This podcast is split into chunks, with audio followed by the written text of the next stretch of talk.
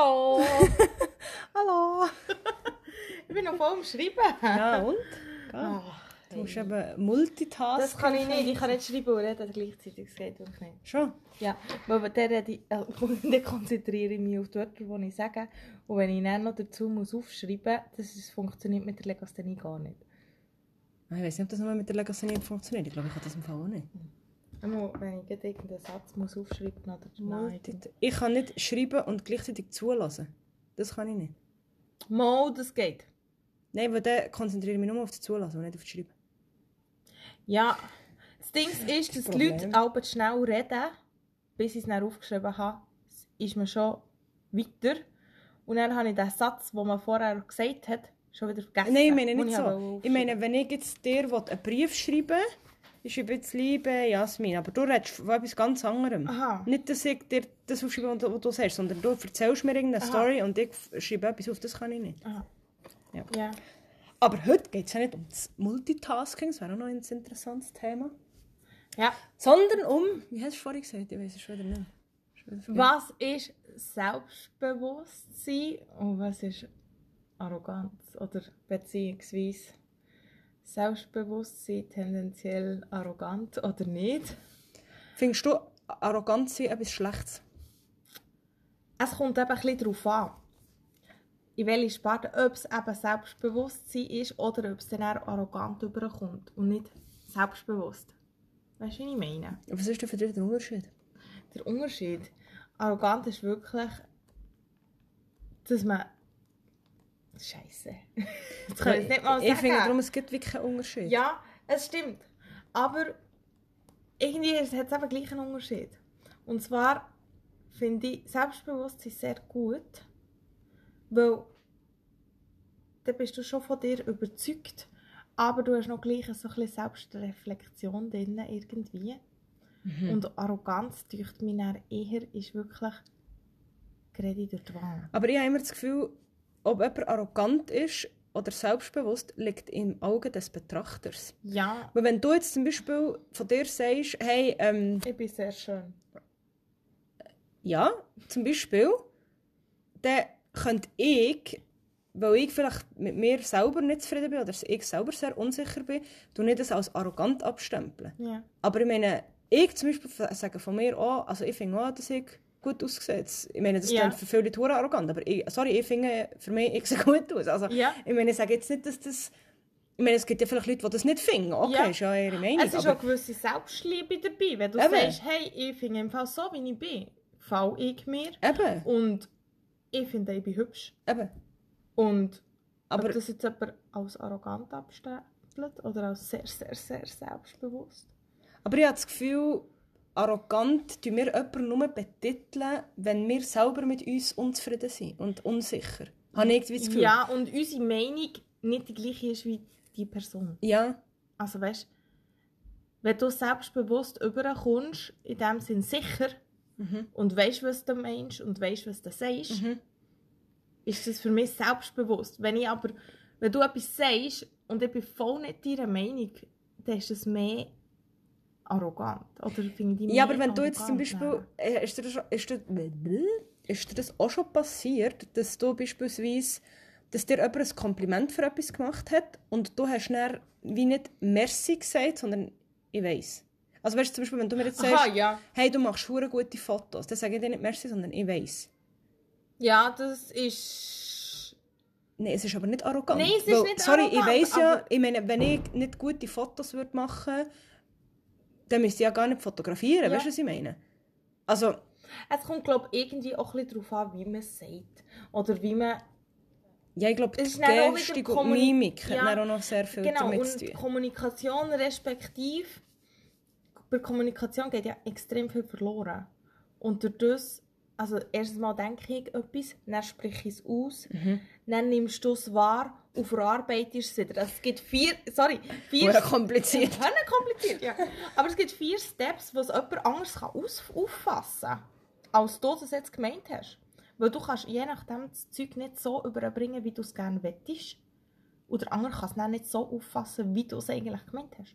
Ja. Und dann kann man schnell jemanden als arrogant abstempeln, als jetzt eher selbstbewusst. Ja, und ich habe das Gefühl, wenn du jemanden zum Beispiel als arrogant abstempelst oder eben sagst, «Ha, der ist ja arrogant oder die ist arrogant, hat das auch oft etwas eben mit Unsicherheit und mit Neid zu tun. Ja. Je nachdem. Ja. Also weißt du, ich meine, habe auch schon Leute getroffen, die weißt, so wirklich so, ja, ich bin der Beste und ich kann alles und das und das und ich bekomme Yeti und das. Und dann finde ich, denke ich so, oh mein in so Gott. Männerklischee. Ja, es ist so ein bisschen, weißt so, dann finde ich dann auch so ein bisschen, okay, du bist schon sehr überzeugt von dir, aber im Prinzip finde ich das, wenn das jemand kann, finde ich das eigentlich recht bewundernswert. Ja. Klar, es kommt dann auch ein bisschen mit Selbstüberschätzung, ich meine, es geht, äh, Es du kannst gibt dich auch viele Leute, überschätzen. die sich über, also weißt in dem Sinne überschätzen, ja. Ja, aber ich finde das, für dein eben Selbstbewusstsein, finde ich das gesünder, als Ja. wenn du sagst, ah, ich kann nichts, du bist so ein Hochschili und ah nein. Und du brauchst immer Bestätigung und du musst immer, dass dir alle sagen, ja, du machst das super, ja, du siehst super aus, ja. Du, Und also, du weisst- glaubst eigentlich gar niemandem. Eben, und, aber dann ist es so, wie du brauchst die Bestätigung. Und jemand, der selbstbewusst ist oder eben in vielen Augen eher arrogant, Mhm. ist halt eben, ist eine starke Person. Und das wird vielleicht viel so ein bisschen als Also, schlecht angeschaut, ich weiß es nicht. weil sie, dort habe ich jetzt so, ich habe mit ihr auch schon darüber äh, Glätt. gelet, Glätt. geredet. Also mit wem hast du lieber geredet?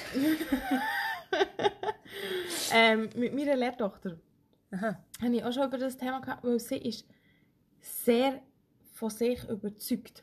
Also in dem Sinn, ähm, zwischendurch hat sie Aussagen, aber das haben wir auch schon, auch schon diskutiert. Also es ist jetzt nichts, was ich da jetzt einfach sage, was Du sie noch nicht hure- gehört hat. du in dem Sinn. deine Lehrtochter mobben. Sie, sie weiss es Ah, auch. okay. Also, aber sie kommt zum Teil sehr, sehr, sehr selbstbewusst über. Mhm. Und sehr, sehr, sehr überzeugt von sich. Mhm. Und tendenziell, je nachdem, ist es nicht immer förderlich, Ja, ich weiß es nicht. weil sie ist immer noch Lehr die Lehrtochter.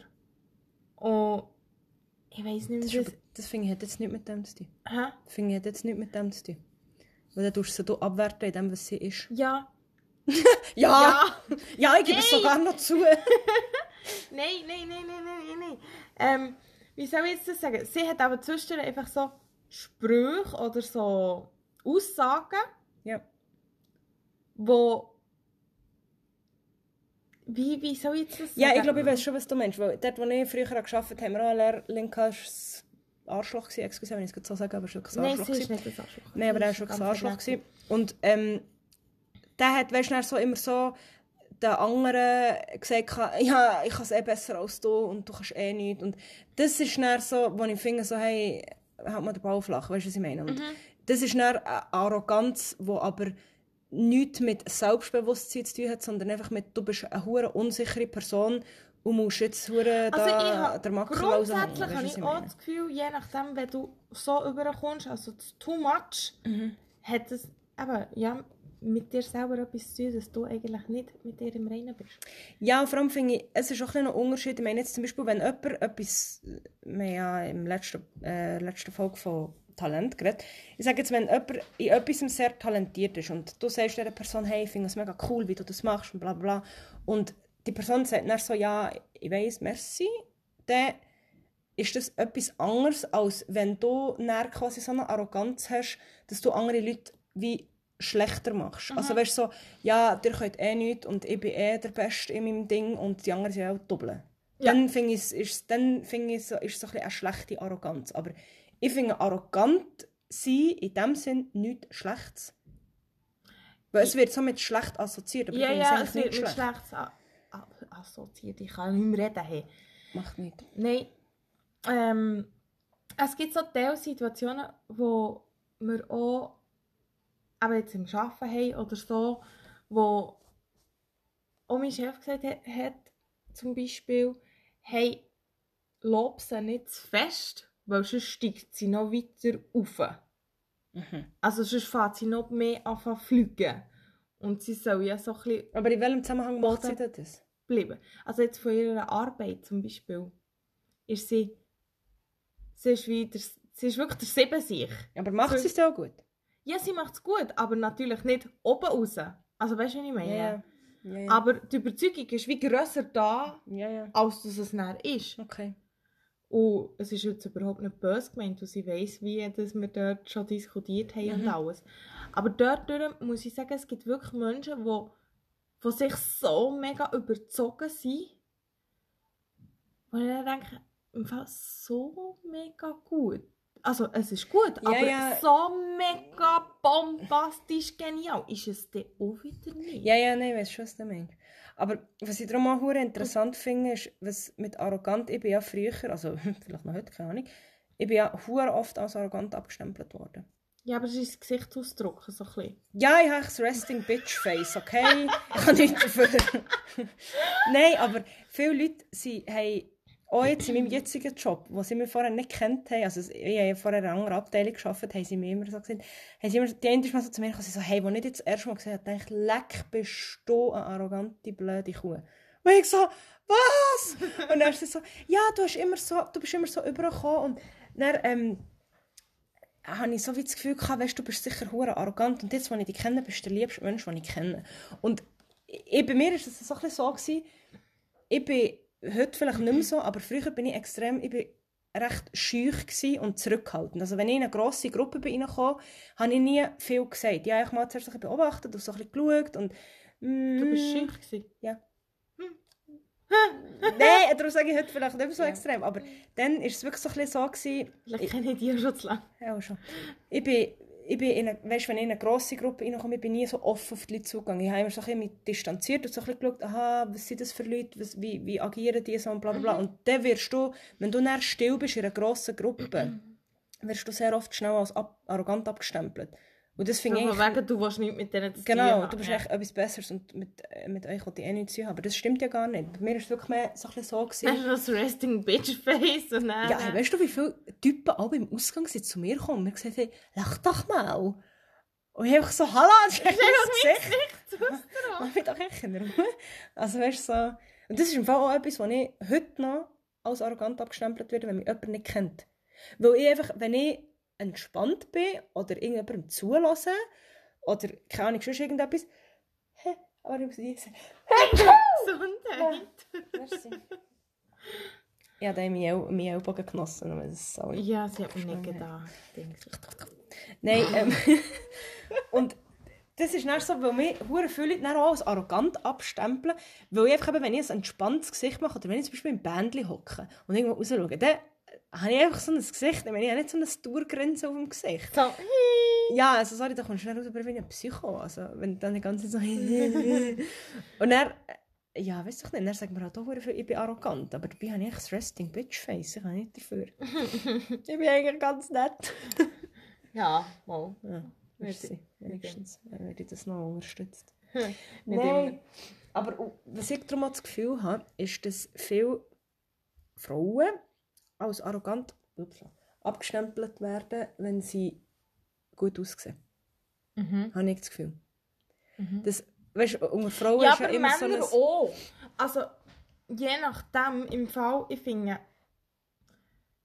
es gibt Leute, die wissen, dass sie hübsch sind. Und es gibt Leute, die wissen, dass sie gut aussehen. Weißt du, wie ich meine? Ja, aber ich finde das nicht schlecht. Also ich meine, ich würde, eben, wie gesagt, ich, ich, ich weiß auch von mir, dass ich gut aussehe. Also Ja. sorry, von mir aus, also vielleicht findet das nicht jeder, das ist ja okay. Ja. Aber ich finde, warum darfst du das nicht auch zeigen? Ja. Warum darfst du das nicht auch öffentlich sagen und sagen, hey, ja, wenn, wenn mir jetzt jemand sagt, hey, du hast hure schöne Augen oder hey, du hast so ein schönes Lachen, dann kann ich sagen, ja, ich weiß, merci. Ist doch nicht schlimm. Das höre ich im Moment viel. Hey, du hast so schöne Augen. Ja, das habe ich dir letztes Mal Ich gesagt. weiss. Wo, wo du die Maske hast angehabt, wo ich habe gesagt ja, ich weiss ja, dass du schöne Augen hast, aber shit, jetzt gefällt mir deine Augen, du hast schöne Augen. Und dann bist du bei mir so, Nein, aber ich Oh finde, also ich meine, du weißt ja auch, also ich, ich werde auch viel auf meine Augen angesprochen und sagen mir auch viel, du hast schöne Augen oder du hast ein schönes Lachen. Und ich, für mich, ich weiss zum Beispiel, etwas vom Schönsten an mir finde ich darum auch mein Lachen. Also nicht wie ich lache, weil ich lache manchmal wie eine Hex, aber ja. weißt du, was ich meine? Mein, Und, mein Lachen zwischendurch gefällt mir noch nicht. Ja, wenn ich dann so, weißt du, ich meine? Ich meine nicht die Laut, sondern wie es dann Nee, aussieht, wenn ich lache. Ja, nicht, dann bekomme ich da so, so, so Fältchen. We- Weißt du, ich meine? Da die. Ja, die habe ich auch. Nein, aber es sieht dann aber aus wie so. Ah, ke kennst du den, Klon da von so.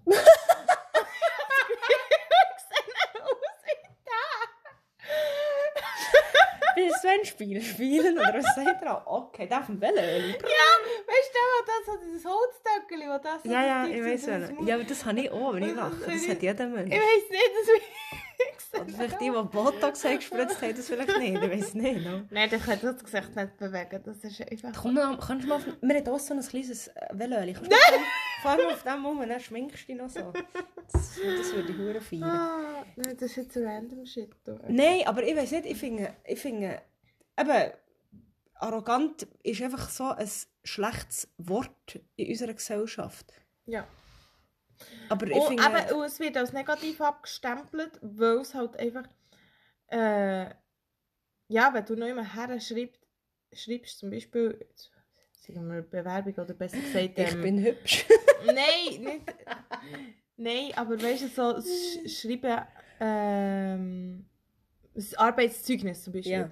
Sie mit ihrer selbstbewussten Art verzauberte sie. Da, da, da, da, da, bla bla bla. Ist das mal in deinem Arbeitszimmer? Nein, aber weißt du, wie ich meine? Weißt du, so, wenn sie Mit so. ihrer weißt du- selbstbewussten, bewundernswerten Art. Ja, nein, das ist schon wieder arrogant. Ja, nein, aber ich meine, das geht ja auch darum, ich meine, schau, stell dir jetzt mal vor, das ist jetzt gerade ein gutes Beispiel Bewerbungen. Jetzt bewirbst du dich an einem Ort.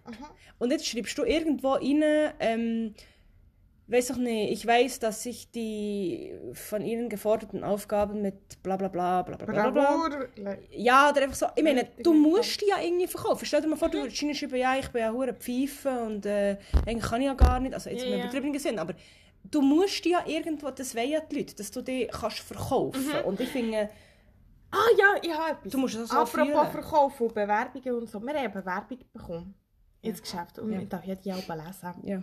Und dann hat einer eine Bewerbung geschrieben und hat dann irgendwie drin geschrieben, ja, er, er schicke bewusst keinen Lebenslauf Mhm. und kein Foto und irgendetwas an Zeugnis, Mhm. weil er das bei einem persönlichen Gespräch besser oder nicht Ja, besser ja. kann überbringen aber weißt irgendwie einfach so Überzeugender sein. überzeugender kann sein. Ja. Aber das finde ich noch gut. Ja, auf der einen Seite ja, weil es, es ist ähm, selbstbewusst und es ist gut geschrieben. Mhm. Also weißt es ist wirklich ein guter Text gewesen. Mhm. Aber du hast keine Ahnung, was das für ein Mensch ist. Also, Aber du dann hast lachst du nebenbei. Ja, aber. Ah, ich weiß nicht, ob ich dann so weit würde gehen. Ich schon. Als Dings. Also ich bin dann nicht gestalkt auf dem Facebook. Ich würde... Ich, Und dort habe ich gefunden, Jesus Gott, zum Glück hast du kein Foto geschickt. ich wäre... Ähm, ich hoffe jetzt mal, dass der unseren Podcast nicht lässt, ja. Ja, ich habe keinen Namen gesehen. Ja, aber ich glaube, er weiß, er weiß glaube auch, um was es geht, wenn er es hört. Ja, und? Ups. Nein, aber ich, aber ich wäre sowieso dafür, und das sage ich jetzt als Fotografin, aber ich wäre sowieso dafür, dass man in die Bewerbungen und Lebensläufe kein Foto rein tut. Weil es wird so Es wird oft nach so Foto im Fall Ja, entschieden und das stimmt. finde ich völlig, einfach, Ja, das stimmt das finde ich nicht okay. Das, Das finde ich stimmt doof. stimmt Weil ich meine, es heisst nicht, das wären wir wieder beim Talent, aber es heisst nicht, wenn jemand gut aussieht oder äh, riesen Brüste hat oder was weiß ich, dass er da auch besser arbeitet. Ja. Im Gegenteil. Das ist definitiv Okay, das war jetzt so. fies. gewesen. Aber Nein, aber ich finde, äh, man Ja, ja, ja. Nein, ich weiss, wo du raus willst. und auch das. Qualifikationen, ich meine, eben, da- wären wir wieder beim Talent. Du weißt, du kannst etwas gut, warum darfst du das nicht auch sagen? Warum darfst du nicht auch sagen, hey, in dem da hier Ich bin selbstbewusst, bin ich sackstark. Und ich, ich sage das von mir aus, weil ich weiss, dass es so ist. Ich finde, es hat nichts mit Arroganz zu tun. Mhm. Ich finde, ein, ein arroganter Mensch ist jemand, der so durch das das Zeug läuft und so sagt, ich bin eh besser als ihr alle, ihr seid eh saure Idioten. Ja, das genau. finde ich, wo, wo du dann andere anmachst Genau. oder reduzierst, weil du besser dastehen. Genau, ich finde, ein arroganter Mensch ist jemand, der andere schlechter macht, um von sich ablenken. Aber ich finde, jemand ist nicht arrogant, wenn er seine Stärke, die er hat, hervorhebt. Nein, das ist nicht selbstbewusst. Ich meine, weißt du, was ich zum Beispiel gesagt habe? Ich bin mal bei einem Vorstellungsgespräch. Mhm. Mir, mir ist mal, ich bin mal gefragt worden bei einem Vorstellungsgespräch, was ist in deinem Leben bis jetzt dein grösster Erfolg gewesen? Und dann, ja, musst du auch ein bisschen überlegen und so. Und dann habe ich irgendwie gesagt, ähm, mein grösster Erfolg, also mein persönlich grösster Erfolg war bis jetzt, gewesen, dass ich drei Monate auf New York bin gegangen und dort eigentlich wirklich eine recht krasse Zeit erlebt habe, wo ich eigentlich auch sehr viel über mich selber habe gelernt und wo ich sehr, sehr viel über mich selber habe erfahren und, und auch habe können, ähm, Reflektieren. Genau, und Sachen daraus ziehen, wo, wo mir vielleicht andersweitig nicht wären bewusst gewesen. Und das war für mich so mein persönlicher Erfolg. Gewesen. Und dann hat es gesagt, okay, ist gut. Was war dein grösster Misserfolg? Gewesen? Dann habe ich so ein bisschen überlegt, ein bisschen überlegt. Und am Schluss habe ich gesagt, kann ich, ich kann es nicht sagen. Es kommt mir nichts in Sinn. Mir kommt nichts in den Sinn, wo, ich, wo, wo ein Misserfolg von mir war. Und ich meine, vielleicht würden viele Leute sagen, die ist ja hure arrogant. Aber ich bin ehrlich und ich finde, nichts ist ein Misserfolg in deinem Leben, weil alles, aus allem, was du erlebst oder dir passiert, lernst du irgendetwas. Das wollte ich jetzt auch sagen. Ich, wenn ich jetzt zurückschaue auf mein ganzes Leben, wo ja schon wo so ja schon lange so geht. lang geht, ja. Ja, mal immerhin. Das vierte. Jahrhundert. Ja, genau, das vierte Jahrhundert. Aber wenn ich so zurückschaue, muss ich auch sagen, ich würde nichts anderes machen. Also, Ja, alles, was ich gemacht habe und alles, was tendenziell vielleicht scheiße war oder tendenziell gut oder was auch immer, Ja. ist Schlussendlich für etwas schlussendlich für etwas gut gewesen, Ja. weil ich bin ich. Eben, ja. Und ich bin genau so, wie ich hier stehe oder hocke, besser gesagt. Und es soll nicht anders sein. ja. Genau so nehme ich jetzt den Podcast mit dir auf, weil, weil's- weil ich es kann. Ja, Du bist ein bisschen arrogant. arrogant. weil ich es kann und weil ich Zeit habe dafür und mir Zeit nehme dafür und das Spass macht für Ja. uns. Und ob es jetzt jemand anderes blöd findet oder nicht, äh, ist uns eigentlich Okay. gleich. Es ist doch uns egal, was der über uns denkt. Ja.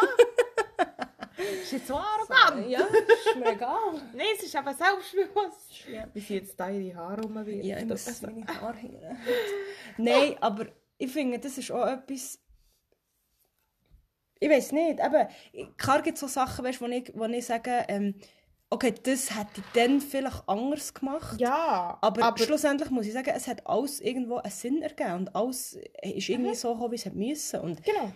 eben, ich finde, der kann schon mal gut sagen, ich habe keine Misserfolge oder ich habe keine Schwächen. Ich meine, klar kannst du sagen, ja, es hat jeder Mensch Misserfolge. Ja, aber ich schaue es vielleicht nicht als Misserfolg an. Ja, sondern ich schaue es umgekehrt an.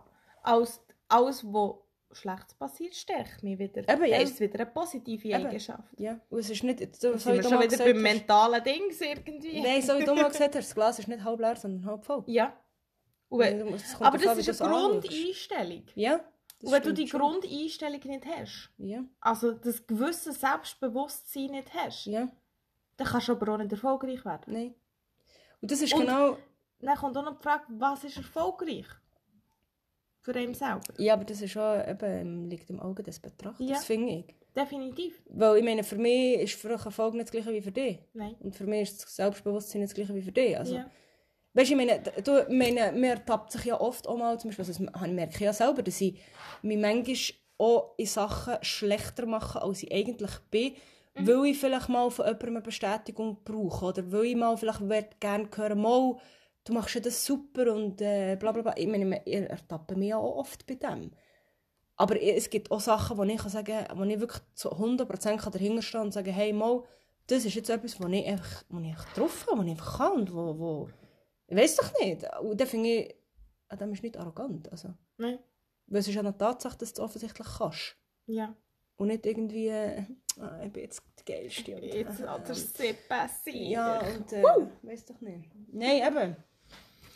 Und ich finde, es gibt sehr viele Leute, die mehr Selbstbewusstsein könnten vertragen. Ich inklusive, weißt du, ich meine, ich sage ja nicht überall immer Selbstbewusstsein. Also, ich Ah ja, eh. könnte, Also gell, es gibt Situationen, wo ich nachher äh, wie so ein kleines Müsli werde. Wie wenn der eine nicht zurückschreibt. Ja. Und dann erst so wie ein Tiger, wo ich so, was soll ich machen, was soll ich machen? Nein, Ja. aber das ist wirklich eine Situation, wo ich muss sagen, also jetzt sind wir halt auch wieder bei diesem Thema, aber dort bin ich ganz ein anderer Mensch. Weil ich mich ansetze. Mhm. Und eigentlich wollte ich das gar nicht. Und sonst komme ich auch nicht so über. Aber Mhm. wenn es um das Thema geht, setze ich meinen Stellenwert an. Eben ja. Und ich weiss nicht, wieso dass ich das mache. Aber das ist ja genau das, weil wenn du, ich sage jetzt mal, wenn du selbstbewusst auftrittst und du weißt eigentlich, was du willst, jetzt sagen wir jetzt Sachen Beziehung, und du weißt jetzt, was du willst, was dir wichtig ist, und du kannst hinter dem auch stehen und du verstellst dich nicht, habe ich das Gefühl, hast du auch mehr, wächst du auch mehr Interesse beim anderen, also beim, beim Gegenüber, weißt du, was Ja. ich meine? Als wenn du immer so, also ja, ich weiß nicht, wenn, wenn, wenn, ich weiß nicht, ob du das schon mal hast erlebt, aber wenn, wenn dich irgendwie ein Typ fragt, ja, ist, also, wie findest du, ich meine, die Kollegin von mir hat mal, was sie noch, was tindert hat, hat mal einer ihr so geschrieben, irgendwie nach dem dritten Satz so, also findest du mich überhaupt attraktiv? Hey, so, das wird mir gerade ablöschen. Ich meine, bist du nicht genug wichtig und, und bist nicht, hast nicht genug Selbstbewusstsein, dass du kannst sagen, du musst das gar nicht wie ansprechen. Also ich meine, wenn, wenn mir ja jemand Also- schreibt, dann, dann habe ich ja das Gefühl, okay, die Person findet mich auf irgendeine Art und Weise interessant, ob es jetzt Genau. vom Charakter her ist oder vom Aussehen. Oder, Ausser sie ghosten mich. äh, Ja. Deswegen haben sie einfach das Problem mit sich selber. Nein, aber ich würde, mir wäre jetzt nie in den Sinn gekommen, als ich noch Single war, einen Typ zu fragen, also, findest du mich denn überhaupt schön und gefällt dir denn überhaupt? Äh, nein. Weil ich weiss ja, dass, Das ich, nicht. dass ich mir gefallen, oder? Mhm. Also, äh, ja, also weißt du, es dann jetzt so wieder ja. arrogant, aber Nein, es Also also manchmal- eben selbstbewusst. manchmal, manchmal finde ich mich auch zum Kotzen. Also, meine, es gibt auch schon Situationen, wo ich in den Spiegel geschaut und denke, oh mein Gott, wer bist du? Also, ich meine, Wer ist hier? Wer das ist so- das? wenn du so dein Handy in hast, dann tust du die Kamera auf, hast die Frontkamera angeladen. Und dann du so, oh mein Gott, wer ist das? wer ist Was das? ist das hier für ein Mensch? Nein, ich finde, du musst auch ein bisschen...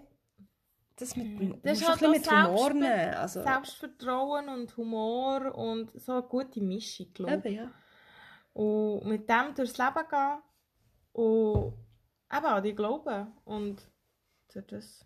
Ja, und die auch nicht von anderen irgendwie einschüchtern, wenn es heisst, du bist verdammt arrogant. Ja, und dann bin ich halt arrogant. Also, ich meine... also nein, weißt du, Nein, es kommt einfach beim anderen so über. Ja, aber ich hatte darum am Anfang auch hure Mühe, als ich jünger war und mir hure oft Leute haben gesagt, du kommst hure arrogant über. Hat mir das hure gestört. Und ich habe mir gedacht, nein, aber ich will doch nicht arrogant überkommen. Und dann habe ich mich vielleicht, weißt, wie ein Zeitchen so ein bisschen zu verstellen. Aber heute, wenn, mir, wenn mir jemand sagt, ja, du kommst arrogant über, dann sage ich, ja, und? Mhm. Also weißt, ich, würde mich ja nicht in Sachen ähm, mega aufmotzen, wo ich weiss, okay, das sind jetzt vielleicht nicht meine grössten Stärken, aber in den Sachen, wo ich zu 100% überzeugt bin, das kann ich und das bin ich und äh, warum darf Ja. ich das nicht zeigen? Also, meine, wenn, du mit dem, wenn du das nicht kannst handeln, ja, dann ist das ja dein Problem, Ja, das ist es so. nicht meins. Also, was ich... Hure arrogant. Sorry, red weiter. Nein, wa- was ich... Das ich, ist mir jetzt gerade aufgefallen, oder das ist mir... Äh, also, es fällt mir immer wieder auf. Wo ich... Ich bin zum Beispiel jemand... Weißt du, wenn man so in die Augen schaut. So der Augenkontakt, ja. Schaust du irgendwann weg. Der, der Augenkontakt, finde ich, auch je nachdem kann sehr... Aber das kann ich nicht. Ich kann nicht... Ich, gehe nicht, Ich kann es nicht zu lang. Ich gehe nicht. Ich kann es nicht zu lang... ich probiere das jetzt. Ja, dann hast du das Gefühl, irgendwann ist... Irgendwann Muss ich es wegschauen, ich so- So. Ja, aber der Augenkontakt ist aber auch noch so äh, eine Sache, wo, wenn dir jemand wirklich so in die Augen schaut irgendwie und irgendwann ist der so Du kannst auf Dings... Wo, wo, wo, wo, hast du das Gefühl, wo ich dir her schaue? Schaut dir... hier. Nein, oder nicht? Du chillst. Ja, ich weiß. Das Auge bisschen da über und das andere... Man ist das so gut? Ja, ich sehe Oh mein Gott. Also ja, vielleicht... Ich schaue dir jetzt da auf die Nase zwischen den Augen. Zwischen... Na, Oder, oder jetzt so. Wo schaue ich dir her? Auch ich sehe... Nein, Mann! Hey! chillst! Ich sehe- Ich chille doch nicht so extra. Geht's noch? Hallo? Jetzt mir gerade verunsichert. Oh nein! Jetzt bin ich nicht mehr selbstbewusst. Selbstbewusstsein an dich. Nein, aber ich sage, das habe ich auch das Problem habe ich aber auch, wenn, äh, wenn jemand dir, ich hatte mal einen Chef, gehabt, der hat, wenn, der, wenn der mit dir geredet hat, der hat so in die Augen geschaut. Hey, und du irgendwann hast du gedacht, oh mein Gott, schau mich nicht so an, ich habe Angst vor dir. Ja. Dabei hat er gar nicht, er hat ganz normal mit dir geredet, aber er hat so einen stechenden Blick Ja, gehabt, ja, ja. dass du einfach so denkst, ich kann nicht, ich kann den, ich kann den nicht mehr anschauen. Ja, ja, ist gut, weißt du, ich mache das, geht wieder schauen. Okay. Es ist du wirst dann so nervös. Nervös, Und ja. Ich glaube, das ist auch ein hohes Selbstbewusstsein, wenn du das kannst. Ja. Wenn, du- wenn jemand so Wenn kannst. jemanden so kannst anschauen und dann den Augenkontakt wirklich so durchzuziehen. Und zwar richtig durchzuziehen. Jetzt probieren wir es die ganze Aber ja, Zeit anzuschauen. Ich habe dann, ich habe dann manchmal das Gefühl, eben, dass ich dann, wenn ich jemandem so lange in die Augen schaue, der noch etwas erzählt, ich habe weniger Mühe, jemanden mit Augen zu schauen, wenn ich selber rede. Mhm. Aber wenn jemand erzählt und du musst Du so- zulassen und du musst so immer mhm, mhm, und dann irgendein ist, habe ich so das Gefühl, ich fange an zu schillen, wirklich hardcore an zu schillen und denke so, oh Gott, du durchlöcherst mich mit deinem Blick, hör auf. Und Ja. dann wirst du dann so wie ein, wie ein Häufchen. Ja, dann fast nicht so fast eingehen. Schau, wie der war. Das sind, das sind so sehr spezielle Sachen. Also weißt du, so, so spezielle Momente, dann irgendwie habe ich auch so Aber, das, aber hast du das wirklich, wenn, jemand, eben, wenn du selber redest, Mhm. geht es Also, besser. Aber wenn, wenn ich besser, jemanden ja. muss zulassen und der starrt mich so an, dann irgendwann habe ich so das Gefühl, ich mache so riesige Augen und Also, ja, was? Ja, so jemand, der so, wie sagt man, wie sagt man dem, ja, so wie an den Lippen hängt, weißt du, in dem Ja, ja. Sinne so. Dann ich aber so, So das Ganze dem aufsucht. sagt man auch Manipulation. Ah. Habe ich das Gefühl. Das ist schon ein interessantes Thema. Manip Manip Manipulation. Manipulation. Nein, Ja, aber ich, finde, ich würde jetzt von mir mal nicht behaupten, dass ich arrogant bin. Sondern sehr selbstbewusst. Ja, auch nicht überall, ja, aber, aber in diesen Sachen äh, mal. Aber ja, in dem, aber es gibt, glaube auch noch so Dings, entweder bist aber selbstbewusst, in dem Sinn, hast du immer ein paar Themen oder ein paar Bereiche, in dem Sinn, wo du eher vielleicht weniger selbstbewusst bist, aber das ist ja völlig normal, aber es gibt so die Leute, die es so probieren, komplett durchzuziehen. Ja, aber das habe ich das Gefühl, das ist eben eher wie so ein Selbstschutz Ja, das irgendwo. ist wie so eine Maske. ah ja, das ist schon gut heute Morgen. Also nur ganz schnell mit Maske. Ich bin heute Morgen hier reingekommen und dann kommt so so Küche. Ja, wir sind im Kaffee essen, wir sind zum Mörgeln. Um Kaffee essen. Ja, Um Kaffee trinken. Hey, dann komme ich in die Küche rein und dann hat es mich putzt vor Lachen. Es sind einfach die beiden mit Masken, also Masken. Nicht äh, Sicherheits-, äh, Hygienemaske. Nicht Hygienemasken, so komplette Gesichtsmasken. Also weißt du, wo du so, eben so anderes Gesicht nachher hast, so Plastikdinge. Hat mir jetzt geputzt vor Lachen. Sie hat gemeint, ich verklüpfe den. Sie hat es nicht geschafft. Ja, das war ein bisschen fies. also nur schnell so zur Aufklärung. Äh, ich laufe sonst grundsätzlich nicht mit einer Plastikmaske um, aber ähm, äh, Filmrequisiten. Also Ja, genau. Ich kann nicht dafür. also mit dieser Maske habe ich, müssen sagen, habe ich mich sehr wüst gefunden. Also da bin ich dann froh gewesen, habe ich wieder mein schönes Gesicht gesehen. Die schöne Gesicht. Das schöne Gesicht. Okay. Ja, nein. Also ich finde, das, das ist im Fall etwas, was ich, was ich noch so finde, wo auch ich, es gehört zwar nicht in diese Sparte, aber Arroganz wird ja eben hier so ein bisschen als negativ ähm, angesehen. Das ist genau gleich wie Egoismus. Ich finde Egoismus nicht schlecht. Nein. Weil Egoismus ist ja, du schaust zu dir, du schaust Mhm. auf dich und du bist dir ja selber am nächsten. Ja. Und ich finde, jemandem zu sagen, du bist egoistisch, ja klar, es gibt schon Sachen, wo Egoismus vielleicht nicht ganz okay ist, aber Aber es gibt grundsätzlich Sachen, wo, wo du einfach zwischendurch ein bisschen egoistisch solltest sein und auf dich schauen. Ja, aber eben, wenn man sagt, wenn es heisst, du bist mega egoistisch, heisst das nicht, der, der ist so wie, ist das etwas Schlechtes, also ist eigentlich wie, nicht so wie, wenn ich sage, ah, du bist mega hilfsbereit, dann ist das ein Kompliment, aber wenn ich sage, du bist mega egoistisch, dann meine ich eigentlich, das, ja, vielleicht solltest du das mal ein bisschen ablegen, ist nicht so nett. Aber ich Ich finde bin Ego... gerne egoistisch. Ja. Ego? Ja, ich bin gerne egoistisch, ich bin gerne arrogant, ja, ich, ich bin egoistisch. ich, ich, ich ziehe gerne mein Programm durch, weil ich schaue gerne für mich. Ja, ich würde sagen, ich bin ein arroganter Egoist. Schreibst so in Ein schöner, arroganter Egoist. du schreibst so in dein Tinder-Profil. Was macht mich aus? Ja, ich bin ein arroganter Egoist. Schreib mir doch mal. Mach das mal. Das würde mich im Fall mal hure wundern, wie viele Leute, mal wie viele Leute das, oder Männer würden auf das reagieren. Das würde mich im Fall wirklich hure wundern. Ein Fake-Profil machen. Nein, das macht man nicht. Du kannst ja eins machen, du bist ja Single. Ich kann nicht gut Nein, eins ich tue machen. das nicht, nicht mehr machen. Ich habe das jetzt vorgeschossen. Vorgeschossen, hast du sicher durchgeschossen? Ah, Okay, dann halt. Nein, aber ich finde, Fazit von dieser ganzen Besprechung, ich finde, arrogant sein ist nichts Schlechtes. Ja, Ja. bin ich auch deiner Meinung. Das wäre so das Wort Zum Schluss. zum Schluss und wir wünschen euch einen schönen Tag. Und Und- bleibt weiterhin sel- selbstbewusst und ein bisschen arrogant. Ja. Ist Eine Prise Arroganz. Darf immer sein. Finde ich, muss ich jedes Rezept. Also. Kochsendung. Also, Tschüss. habt's gut. Tschüss.